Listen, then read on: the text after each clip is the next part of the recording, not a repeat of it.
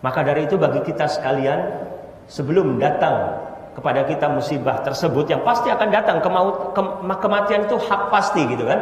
Mungkin kita duluan atau orang-orang yang kita cintai duluan yang akan meninggalkan kita. Pasti. Sebelum terjadi orang-orang terdekat kita meninggal duluan, kita berusaha untuk melakukan yang terbaik untuk mereka. Jangan sampai kita menyesal.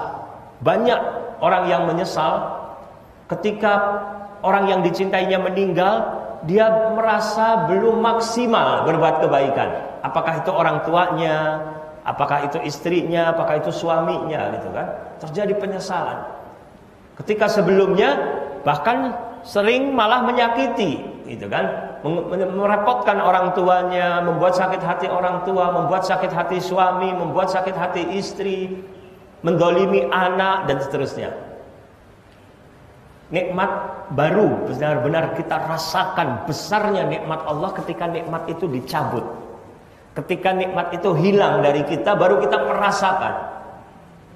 Kalau waktu ada kita kadang tidak merasakan. Seperti tadi orang tua masih ada, biasa saja kadang kita berani melawan dan lain sebagainya. Tapi kalau sudah tidak ada baru terasa betapa besarnya nikmat ini.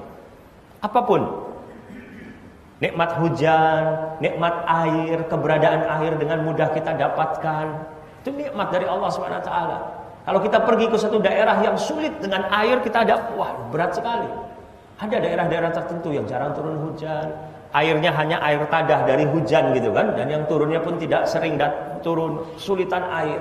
Baru merasakan, ya Allah betapa nikmatnya air.